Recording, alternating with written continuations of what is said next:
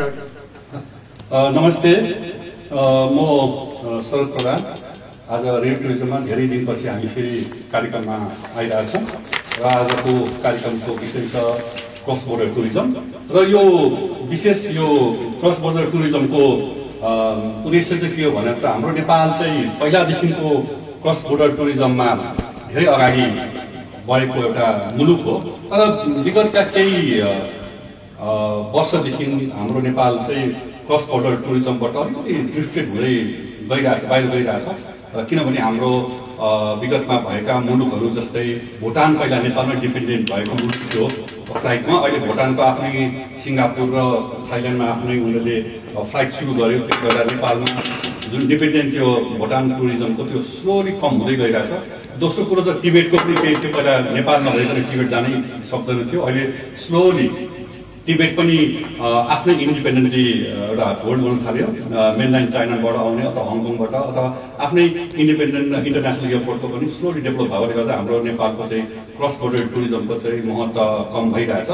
र हामीले दुई हजार पन्ध्रमा एउटा सानो कार्यक्रम गरेको थियौँ। त्यसमा हामी कहाँ आजको मुख्य अतिथि हाम्रो दिपक राज पनि हुनुहुन्थ्यो। त्यति बेला हामीले त्यो कार्यक्रममा चाहिँ हामीले भारतबाट विशेष गरी सिक्किमबाट पनि बोलाएको थियौँ अतिथिहरू त्यो कार्यक्रममा चाहिँ कसरी नेपाललाई चाहिँ फेरि एउटा ब्याक टु नर्मल एउटा बोर्डर टुरिज्म लानु सक्छ भन्ने एउटा विमर्श गरेको थियो। त्यही सिलसिलामा आज हामी एउटा कुरा गर्न गएको छौँ हामी कहाँ आज दुईजना अतिथि हुनुहुन्छ। उहाँ हुनुहुन्छ हाम्रो दिपक राज जोशी हाम्रो नेपाल पर्यटन बोर्डका पूर्व सिओ र उहाँ बिस वर्षभन्दा बढी चाहिँ पर्यटन क्षेत्रमा लागिरहनु भएको छ अहिले पनि लागि नै रहनु भएको छ। अनि अर्का हुनुहुन्छ विक्रमजी उहाँ धेरै लामो समयदेखि टुरिज्ममा पर्यटन क्षेत्रमा उहाँलाई मल्टिपल टुरिज्ममा उहाँ चाहिँ बढी फोकस गरिरहनु भएको छ।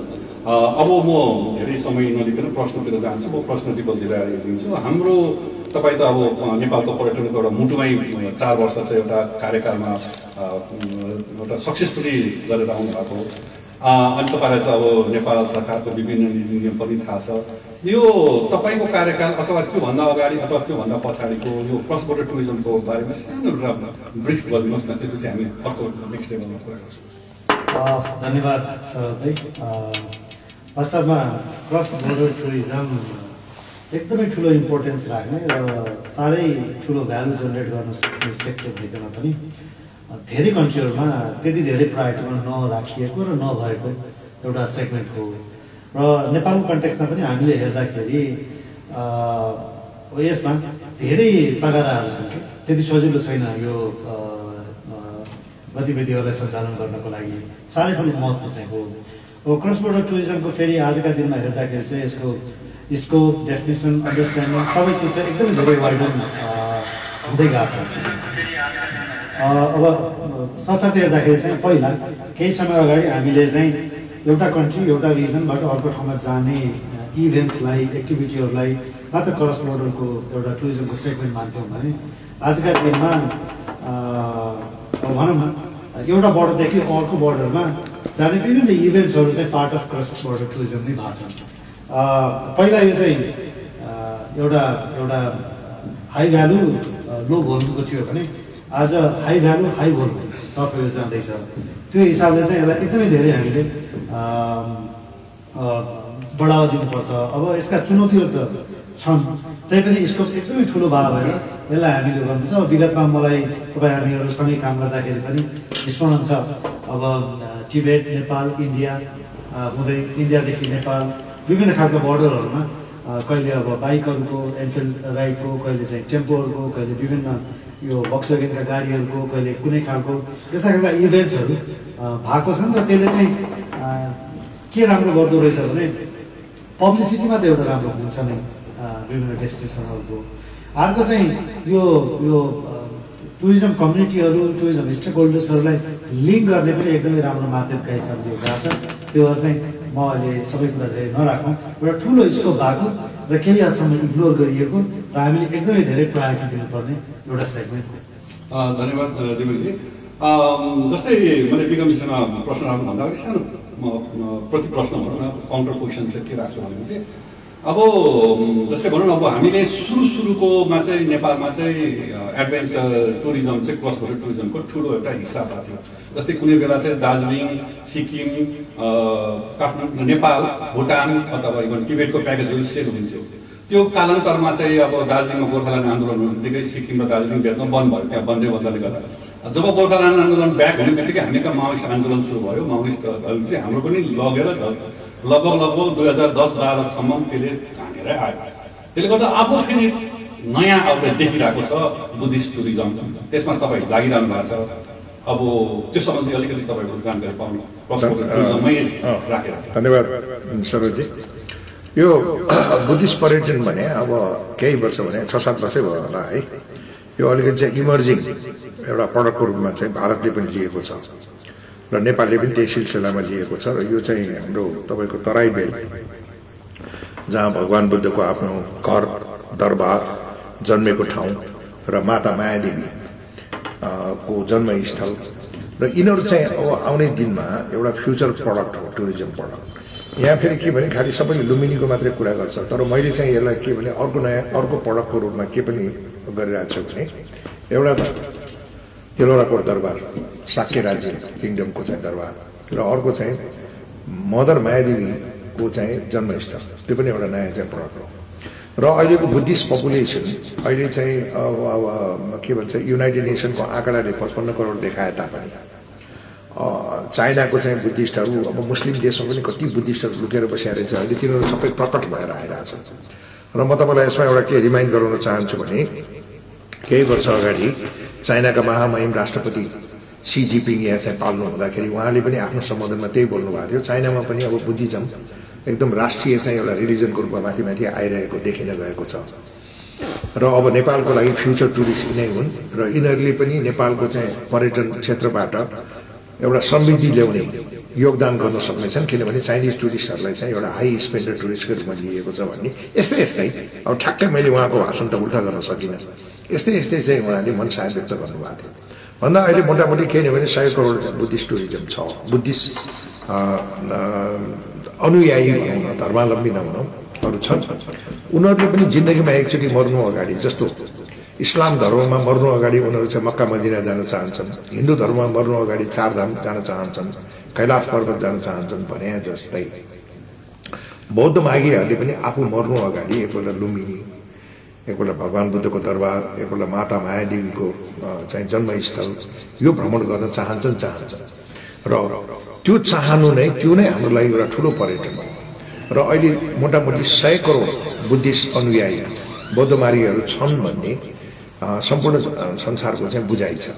र यो नै फ्युचरको लागि क्रस बोर्डर टुरिज्म पनि हो सरजी। किनभने भगवान् बुद्धले के आज्ञा भएको छ भने मेरो मृत्यु पश्चात मे हाम्रा अनुयायीहरूले मेरो जीवनको चारवटा महत्त्वपूर्ण कालखण्ड भ्रमण गर्नेछन् र उनीहरूले आफ्नै किसिमको शुद्धता होइन स्पिरिचुअलिजम र आफ्नै किसिमको बुद्धता अथवा एउटा कमन सेन्स पनि एउटा बुद्धता अब बुद्धत्व भने चाहिँ इन्लाइटमेन्ट हो प्राप्त गर्नेछन् भनेर जुन आज्ञा भएको छ। जब यहाँ नेपालमा आएपछि उनीहरू माता मायादेवीको जन्मस्थल भ्रमण गर्नेछन् त्यसपछि लुम्बिनी भगवान् बुद्ध जन्मेको लुम्बिनी भ्रमण गर्नेछन् त्यसपछि रा भगवान् बुद्धको दरबार भगवान् बुद्धको आफ्नो राज्य साक्य त्यो भ्रमण गर्नेछन्। त्यसपछि कहाँ जान्छन् त उनीहरू? भगवान् बुद्धको आज्ञा भए जस्तै लुम्बिनीबाट उनीहरू प्रस्थान गरेर उनीहरू बौद्ध गयातिर जान्छन् जुन भगवान् बुद्धबाट आज्ञा भएको छ। र त्यो जाने क्रमलाई नै हामीले क्रस बोर्डर टुरिज्म भन्न सकिन्छ। र त्यही नै हो क्रस बोर्डर किन नेपालको बोर्डरबाट भारतको बोर्डर क्रस गरेर चाहिँ गएपछि त्यसलाई क्रस बोर्डर टुरिज्म भन्ने चाहिँ ऊ छ। र यो एउटा ठुलो चाहिँ एउटा मार्केट छ। अब त्यसलाई भारत र नेपालले मिलेर मार्केटिङ गर्दै अगाडि बढाउनु पर्ने हुन्छ। मार्केटिङ गर्दै अगाडि बढाउनु पर्ने हुन्छ। र यसले समृद्धि भारतलाई पनि ल्याउँछ नेपाललाई पनि ल्याउँछ। धन्यवाद मैले यो अलिकति प्रश्न विपक्ष सरलाई गर्न खोजेँ। कि चाहिँ अब कुनै समय मैले अघि नै सुरुमै भने कुनै समय नेपालले लिड लिइरहेको थियो। स्लोली अहिले चाहिँ नेपालभन्दा बाहिरकाहरूले लिड लिनुहुन्न भने त होइन तर हाम्रै जस्तै भनौँ बुद्धको लिडमा जस्तै हामी काहीँ अहिले तपाईँकै कार्यकालमा दुई हजार उन्नाइस सालमा के अरे उता बिआइपिएम गऱ्यौँ हामीले होइन लुम्बिनीमा अथवा भैरवमा पऱ्यौँ त्यो हाम्रो लागि छ। अब यस्तै यस्तै कार्यक्रम थियो। हामीले लिड लिएको नि त क्रस बोर्डर टुरिज्मको लिड हामीले लिएको त्यस्तै लिड लिनुपर्नेहरू आवश्यक छ। र अब लिन पर्नलाई के के गर्नुपर्छ जस्तो लाग्छ तपाईँको विचारमा? धन्यवाद वास्तवमा क्रस बोर्डर टुरिज्ममा अघि यसको राम्रो व्याख्या विक्रम दाइले पनि गर्नुभयो। मूलत क्रस बोर्डरको बिचमा होइन दुईवटा बोर्डरका बिचमा अथवा दुईवटा तिनवटा बोर्डरका बिचमा हुने विभिन्न खालका इभेन्ट्सहरू नै क्रस बोर्डर टुरिज्मका सबैभन्दा ठुला इन्ग्रेडियन्ट्सहरू हुन्। र हामीले यो हिमालयन ट्राभल मार्क दुई हजार सत्रदेखि र BITM Buddhist international travel mark दुईवटा मार्क सुरु गरेका थियौँ त्यसको मुख्य उद्देश्य नै के थियो भने हिमाल ट्राभल मार्टको चाहिँ नेपाललाई गेटवे टु हिमालयकै हिसाबले पोजिसनिङ गर्ने छ तर त्यो पोजिसनिङ चाहिँ रिटेन भइरहोस् भन्ने हिसाबले सुरुवात गरिएको थियो। भने यो बुद्धिस्ट इन्टरनेसनल ट्राभल मार्ट पनि नेपाल चाहिँ आजका दिनमा बुद्धिस्टको एउटा भनौँ सुरुवात हुने अथवा चाहिँ एउटा गेटवे भइसकेको छैन। फ्युचरमा चाहिँ नेपाल चाहिँ एउटा अ, सर्किटको गेटवेका हिसाबले पनि यो स्थापित हुन सकोस् भन्ने एउटा चाहना थियो। र अब यस्ता थुप्रै इभेन्ट्सहरूले क्रस बोर्डर टुरिज्मलाई प्रमोट गर्ने हो। म्युजिकको इभेन्ट्स स्पोर्ट्सको इभेन्ट्स माइसको इभेन्ट्स होइन? अरू एडभेन्चर इभेन्ट्सहरू। अब हिजोका दिनमा राम्रै थियो र आजका दिनमा घटेको चाहिँ दुई तिनवटा चिज म पनि पाउँछु कि वास्तवमा।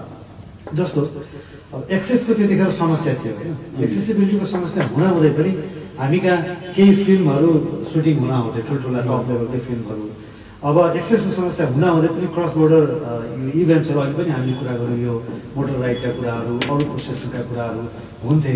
जुन बिचमा घट्यो अब दुईवटा तिनवटा त अलिकति हाम्रो पोलिटिकल ट्रान्जिसन र त्यो समस्याले पनि होला। अर्को समस्या म के देख्छु भने विगतमा अलि अगाडितिर हाम्रो चाहिँ टुरिज्म हेर्ने युनिटहरू चाहिँ अलिकति बढी प्रोफेसनल इभन यो व्यावसायिक संस्थाहरूको नेतृत्व पनि बढी प्रोफेसनल र बढी यही सेक्टरको अब सरकारी संयन्त्र र ब्युरोक्रेटिक सेटअप पनि अलिकति भनौँ न यो यो लामो समय बस्दाखेरि बुझेको। पछिल्लो दिनमा चाहिँ एउटा थाहै संयन्त्र नै भइरहेको छैन कि? अब प्राइभेट सेक्टरको लिडरसिपमा आउने सबै त म भन्दिनँ। तर केही संस्थाहरूमा चाहिँ यो यो क्याडर बेस इन्डस्ट्री अलिकति कम बुझेको इभेन्ट्सहरूको भ्यालु कम थाहा त्यस्तो ऊ चाहिँ अलिकति बढिरहेछ र उहाँले स्ट्रङली लबिङ गर्न सकेको भएको छैन एउटा म त्यो त्यो देख्छु। त्यो गर्दा बित्तिकै फेरि हामी कहाँ धेरै ठुलो स्कोप छ। अर्को चाहिँ यो यो छ छ महिना तिन तिन महिनामा जुन चेन्जहरू भइरहेको छ ब्युरोक्रेटिक सेटअपमा त्यो अलिक कन्ट्रोल भइदियो भने पनि त्यहाँ चाहिँ यसको बुझाइ बढ्दै जाने हो र त्यसले रिजल्ट दिन सक्ने हो। राम्रो कुरा के भएको छ भने अहिले अब मिडियामा र पोलिटिकल सेटअपमा टुरिज्मको इम्पोर्टेन्स चाहिँ थाहा छ। टुरिज्मलाई चाहिँ बढावा दिनुपर्छ भन्ने जुन चाहिँ राम्रो हो।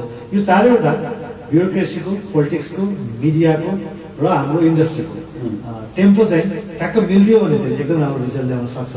नभए चाहिँ अलिकति गाह्रो हुन्छ कि जस्तो लाग्छ। जस्तो म अब क्रस बोर्डर टुरिज्ममै एउटा सबैभन्दा ठुलो च्यालेन्ज केमा देख्छु भने यो यो इन्ट्री प्रोसिडियर्सहरू अप्रुभल लिनुपर्ने ठाउँ ठाउँको यो झमेलाहरू झन्झटहरू चाहिँ धेरै नै छन्। जस्तो अब भनौँ गाडीहरूको ट्रान्सपोर्टमा त झमेला छ छ। अब हाम्रा धेरै जसो छ हजार नदी भएको देश भनिन्छ। ठुल्ठुला नदीहरू चाहिँ जुन नेपालबाट इन्डियातिरै बगिरहेछन् अब आजका दिनमा अब फिसिङ र राफ्टिङ चाहिँ एकदम हाई एन्ड र हाई भ्यालु जेनेरेट गर्ने एक्टिभिटीहरू हो। तर हामी कहाँ चाहिँ चाहे त्यो महाकाली होस् चाहे कर्णाली होस् चाहे कोशी गण्डकी होइन सजिलै हामी चाहिँ राफ्टिङ गर्दै इन्डियासम्म जान सक्ने अथवा चाहिँ क्याम्पिङ गर्दै फिसिङ ट्रिपहरू गर्न सक्ने अथवा अरू इभेन्ट्सहरू गर्न सक्ने त्यति सहज स्थिति छैन। यो भइदिनुपर्छ। यो हुँदा बित्तिकै फेरि I think brighter days and golden days are achievable तपाईँले भने जस्तै जस्तै अब मलाई एउटा याद आयो। जस्तै अब एकपल्ट हाम्रो सानो बाबु सुनाले चाहिँ काठमाडौँ नेपालबाट चाहिँ नेपालबाट राफ्टिङ गर्दै त्यसपछि उहाँहरू चाहिँ बङ्गलादेशसम्म पुगेको पनि स्टुडेन्ट थियो। एकदम एउटा प्रश्न गरौँ है तपाईँलाई। जस्तै भनौँ न तपाईँ त अब भनौँ चार पाँच दशकभन्दा लामो तपाईँको अनुभव छ। पाँच दशक अनुभव छ। जस्तै सुरु सुरुमा म मलाई अलिक आँखासँग खेल्न धेरै मजा लाग्छ कि? मैले के हेरेँ जस्तै मलाई एउटा भुटानबाट पत्रिका आउँछ। पहिला पहिला हेर्दै जाँदा के थियो भन्दा पहिला पहिला धेरै भन्दा भनौँ न तपाईँको नेपालप्रतिको भुटानको डिपेन्डेन्सी धेरै रहेछ। टुरिस्टको त्यो एराइभल हेर्दा नेपाल भएर जाने टुरिस्टको एराइभलको डाटा धेरै राम्रो धेरै पर्सेन्ट थियो। अनि पछिल्लो डाटा हेर्दै जाँदा चाहिँ कम कम कम अब उनीहरूको नेपालप्रतिको डिपेन्डेन्सी भुटानको धेरै कम भइरहेछ। अब यो हुनुमा चाहिँ जस्तै अब तपाईँ त अब टिबेट पनि तपाईँले चलाइरहनु भएको छ। टिबेटमा पनि कम भयो त तपाईँ तपाईँको सुरु सुरुको तपाईँको ब्रोसर हेर्नुभयो भने तपाईँले दार्जिलिङ सिक्किम पनि प्रमोट गर्नुभएको छ त्यो पनि कम छ। यो हुनुमा अघि मैले दुइटा पोलिटिकल कुरा त भने त्यो बाहेक अरू के के फ्याक्टरहरू हुनसक्छ? जसले गर्दा चाहिँ अब त्यसलाई रिभाइभ गर्यो भने हाम्रो क्रस बोर्डर टुरिज्म किनभने तपाईँले जुन टु थाउजन्ड फिफ्टिनमा एउटा कार्यक्रम गर्नुभएको थियो जहाँ चाहिँ हाम्रो प्रभाकर शमशेर अम्बिका दिजु हाम्रो लिलामणि आउनु। धेरै आउनु भएको थियो त्यसमा यो कुरा पनि आएको थियो। त्यसमा सिक्किमका प्रतिनिधि पनि आउनु भएको थियो त्यहाँको टुरिज्मका अब के गर्दा चाहिँ फेरि ती लस ग्लोरीलाई ल्याउन सकिन्छ होइन यो गर्न सकिन्छ। त्यो प्रब्लम के छ भने सरजी म पचास वर्ष त होइन है तिस वर्ष चाहिँ म अलि एक्टिभली चाहिँ भयो लागेको पहिला त म सिकाएको सिक्ने पनि चाहिँ त्यो ऊहरू जोड्दाखेरि त्यति भयो। तर मैले यहाँ हेर्दाखेरि के भइरहेछ भने गभर्मेन्ट र प्राइभेट सेक्टर भन्छ नि यिनीहरूले जसलाई मैले इन्डस्ट्री सेक्टर भन्छु कि? अन्टरप्रेनियर सेक्टर भन्छु म चाहिँ। यिनीहरू मिलेर काम गर्नुपर्ने थियो। त्यो कामै हुन सकेको छैन। अब किन भएन एउटा बुद्धिजीवी सम्मेलनै गर्नुपर्छ। नम्बर एक। र नम्बर दुई जब चाहिँ राज संस्थाको चाहिँ अब भन्नुहोस् न चेन्ज भयो त्यसपछि चाहिँ अब यो के अरे जन लो लोकतान्त्रिक सरकार आए। म त म त राम्रै काम हुन्छ होला। ठुल्ठुलो चाहिँ अब चाहिँ के अरे आफ्नो चाहिँ उयोहरू पनि आइडिया इनपुटहरू पनि दिन सकिन्छ होला। जस्तो अरू डेमोक्रेटिक कन्ट्रीतिर दिएको जस्तो भनौँ भने त कहाँ हो। अहिले आउने त मान्छेहरू सबैले हामीलाई त सुकिला मुकिलामा चाहिँ दर्ता गरिरहेका छन्। क्या भने मतलब पहिला चाहिँ यिनीहरू लुटेर खानेहरू हुन्। यिनीहरू भने शोषक हुन्। भने मतलब त्यस्तो खालको पो नजरिया रहेछ बुझ्नुभयो सरकारी अफिसमा गयो हामीलाई खातेर खलासी भन्दा माथि कुनै दर्जामा पनि दिँदो रहेछ। क्या उनीहरूको मनमा।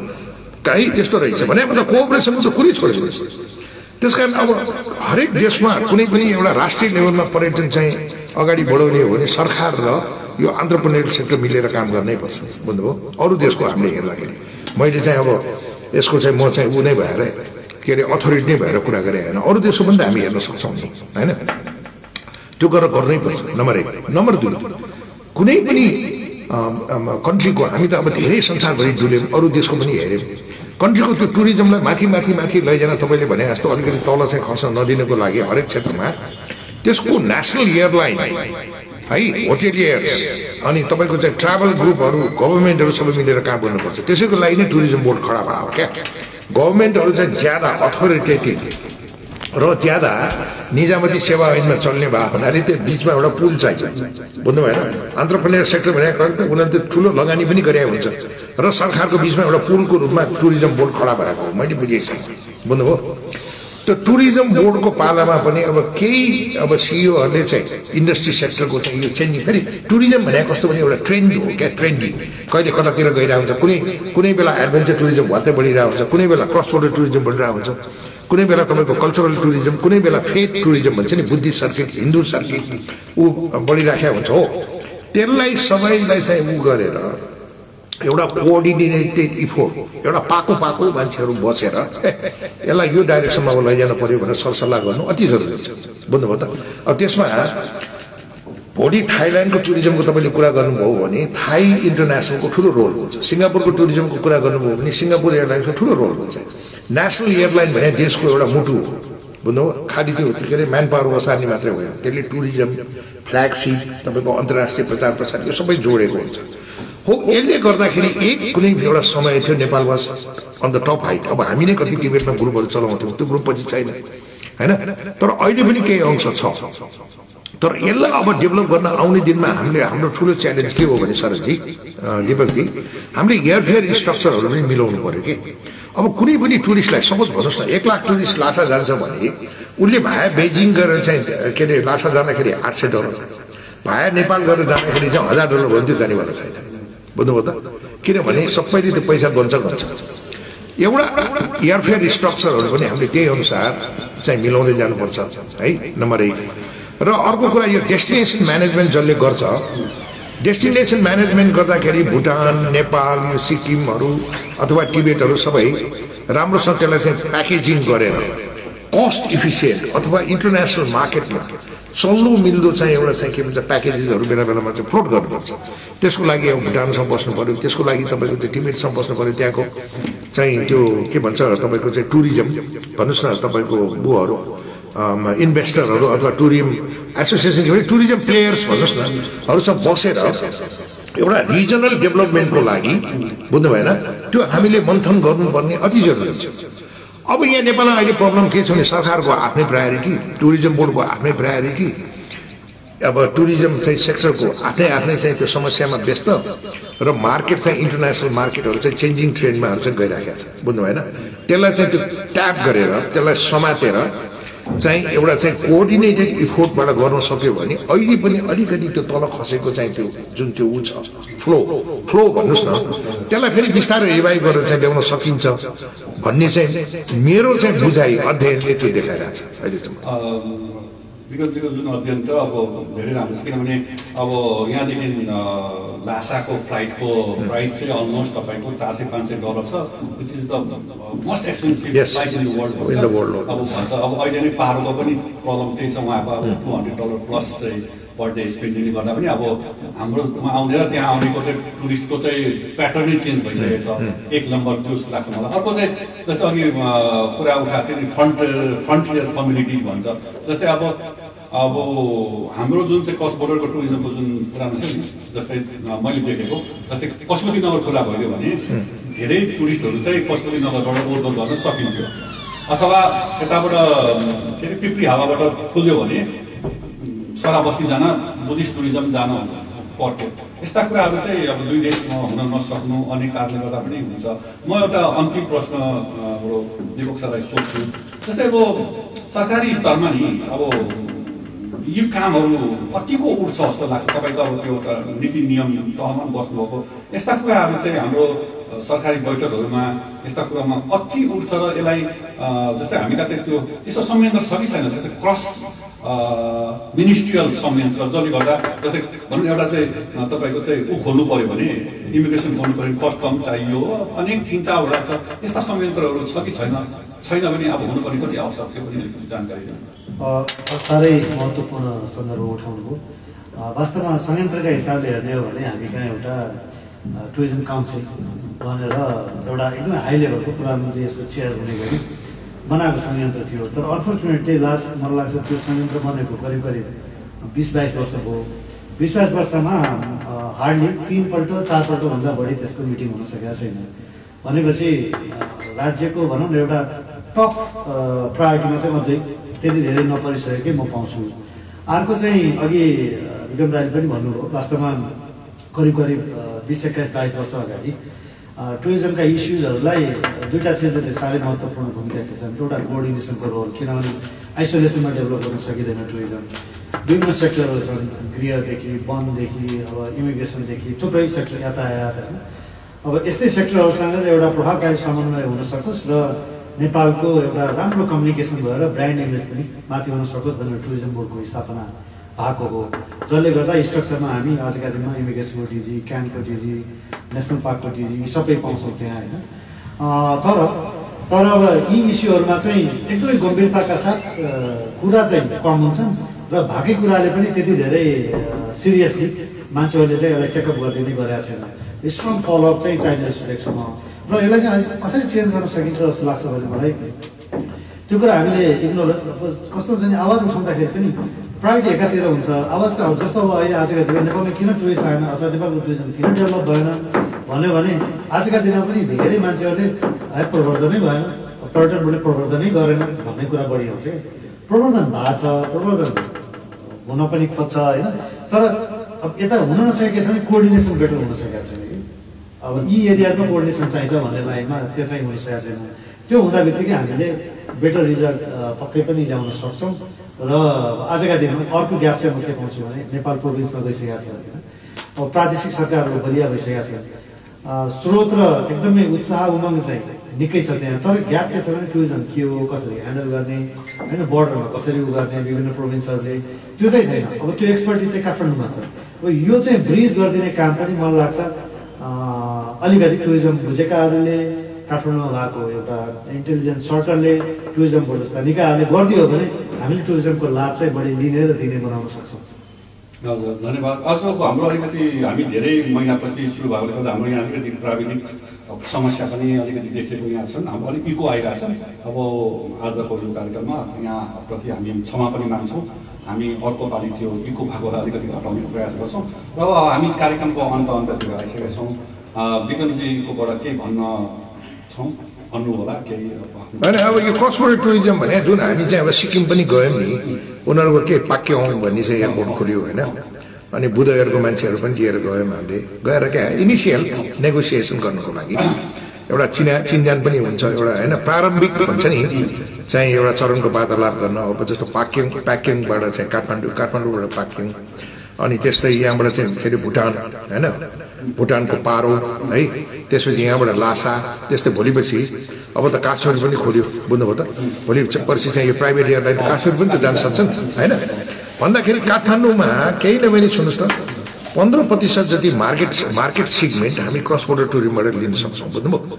किनभने काठमाडौँको अझै पनि छ क्या। I want to go to Kathmandu भन्ने पहिलाका गीतहरूले। सुन्नु सुन्नुहोस् when I'm in Kashmir why don't I pay you know two hundred dollar more and go to Kathmandu and spend few days and go back home भन्ने। त्यो टुरिस्टहरूको मनमा छ छ तर हेर फेरि यस्तो म तपाईँले भन्नुभयो नि होइन अब तपाईँले भन्नुहोस् न बेजिङबाट अमेरिकन एउटा मैले एक्जाम्पल दिएको। दे फ्लाइ टु बेजिङ बेजिङबाट लासा आउँदाखेरि सपोज आठ सय डलर भयो भने भाया काठमाडौँ आउँदाखेरि दुई सय डलर। बिसजना ग्रुप लिएर जाँदा त चार हजार डलर गयो। भएन चार हजार भने आठ तोला सुन। एउटा ग्रुपमा कसैले पनि त्यसरी चाहिँ सेक्रिफाइस गर्न सक्- सक्दैन। त्यस कारण यो गर्नको लागि चाहिँ कस्तो हुन्छ भने रेस्पोन्सिबल मान्छेहरू रेस्पोन्सिबल स्पटमा हुनुपर्छ। मैले गर्न सक्छु म मैले चाहिँ मात्र गर्न सक्छु भन्ने होइन कि? एयरलाइनमा चाहिँ त्यस्तै किसिमको के पर्यटन मैत्री भन्न थालेको छु मैले अहिले। अहिले जहाँ पनि सरकारी अड्डा अब तपाईँको पर्यटन विभाग मन्त्रालयमा हेर्नुहोस् त। कुरै गर्न गाह्रो हामीलाई कस्तो चाहियो भने पर्यटन मैत्री व्यक्तित्वहरू चाहिँ त्यो पदासीन भइदियो भने उहाँहरूले पनि कुरो बुझ्नुहुन्छ। अहिले दिपकजीले पनि त्यही भन्नुभयो होइन? अब उहाँहरूको पहिले प्रिसेट माइन्ड नै यिनीहरूले नोट कमाएको छ।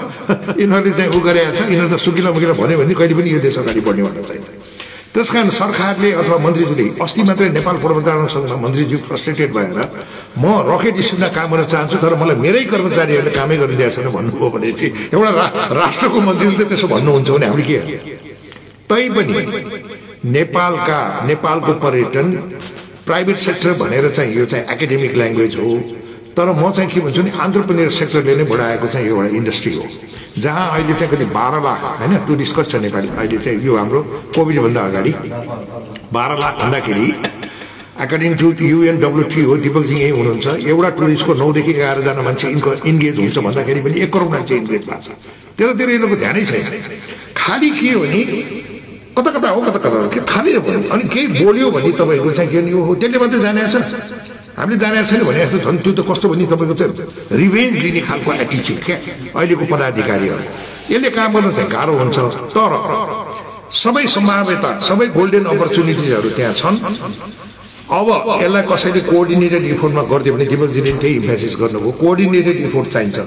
गरिदियो भने हामीले क्रस बोर्डर टुरिज्मबाट पनि मेरो हिसाबमा between fifteen to twenty percent market segment हामीले क्यापिटलाइज गर्न सक्छौँ। सरजी धन्यवाद विक्रमजी अब हामी कहाँ यहाँ दिपकजी हुनुहुन्छ। दिपकजी त्यत्रो लामो पर्यटन व्यवसाय केन्द्रीय रूपमा लाग्नुहुन्छ। विक्रम उहाँको त्यत्रो अनुभवहरूलाई चाहिँ सम्बन्धित निकायले सरकार गैर सरकारले उहाँको जुन एक्सपर्टिज छ त्यसलाई चाहिँ लिदिनु भयो भने आगामी दिनहरूमा हाम्रो नेपाल पर्यटनलाई पनि नयाँ दिशा आउन सक्छ। उहाँ जस्तो जो जस्तो उहाँले चार वर्ष टुरिज्मबाट सियो चलाउनु भयो त्योभन्दा अगाडिको त्योभन्दा पछिको। विभिन्न अनुभव छ। त्यो अनुभवलाई चाहिँ त्यसै खेर फेर्नु दिनु भएन सरकारले गैर सरकारी निकायहरूले त्योलाई चाहिँ प्रयोग गर्नुपर्छ भन्ने कुरा गर्दै आजको कार्यक्रम हामी यहाँ समाप्त गर्नभन्दा अगाडि उहाँलाई चाहिँ हाम्रो यो मायाको छिनो हाम्रो यो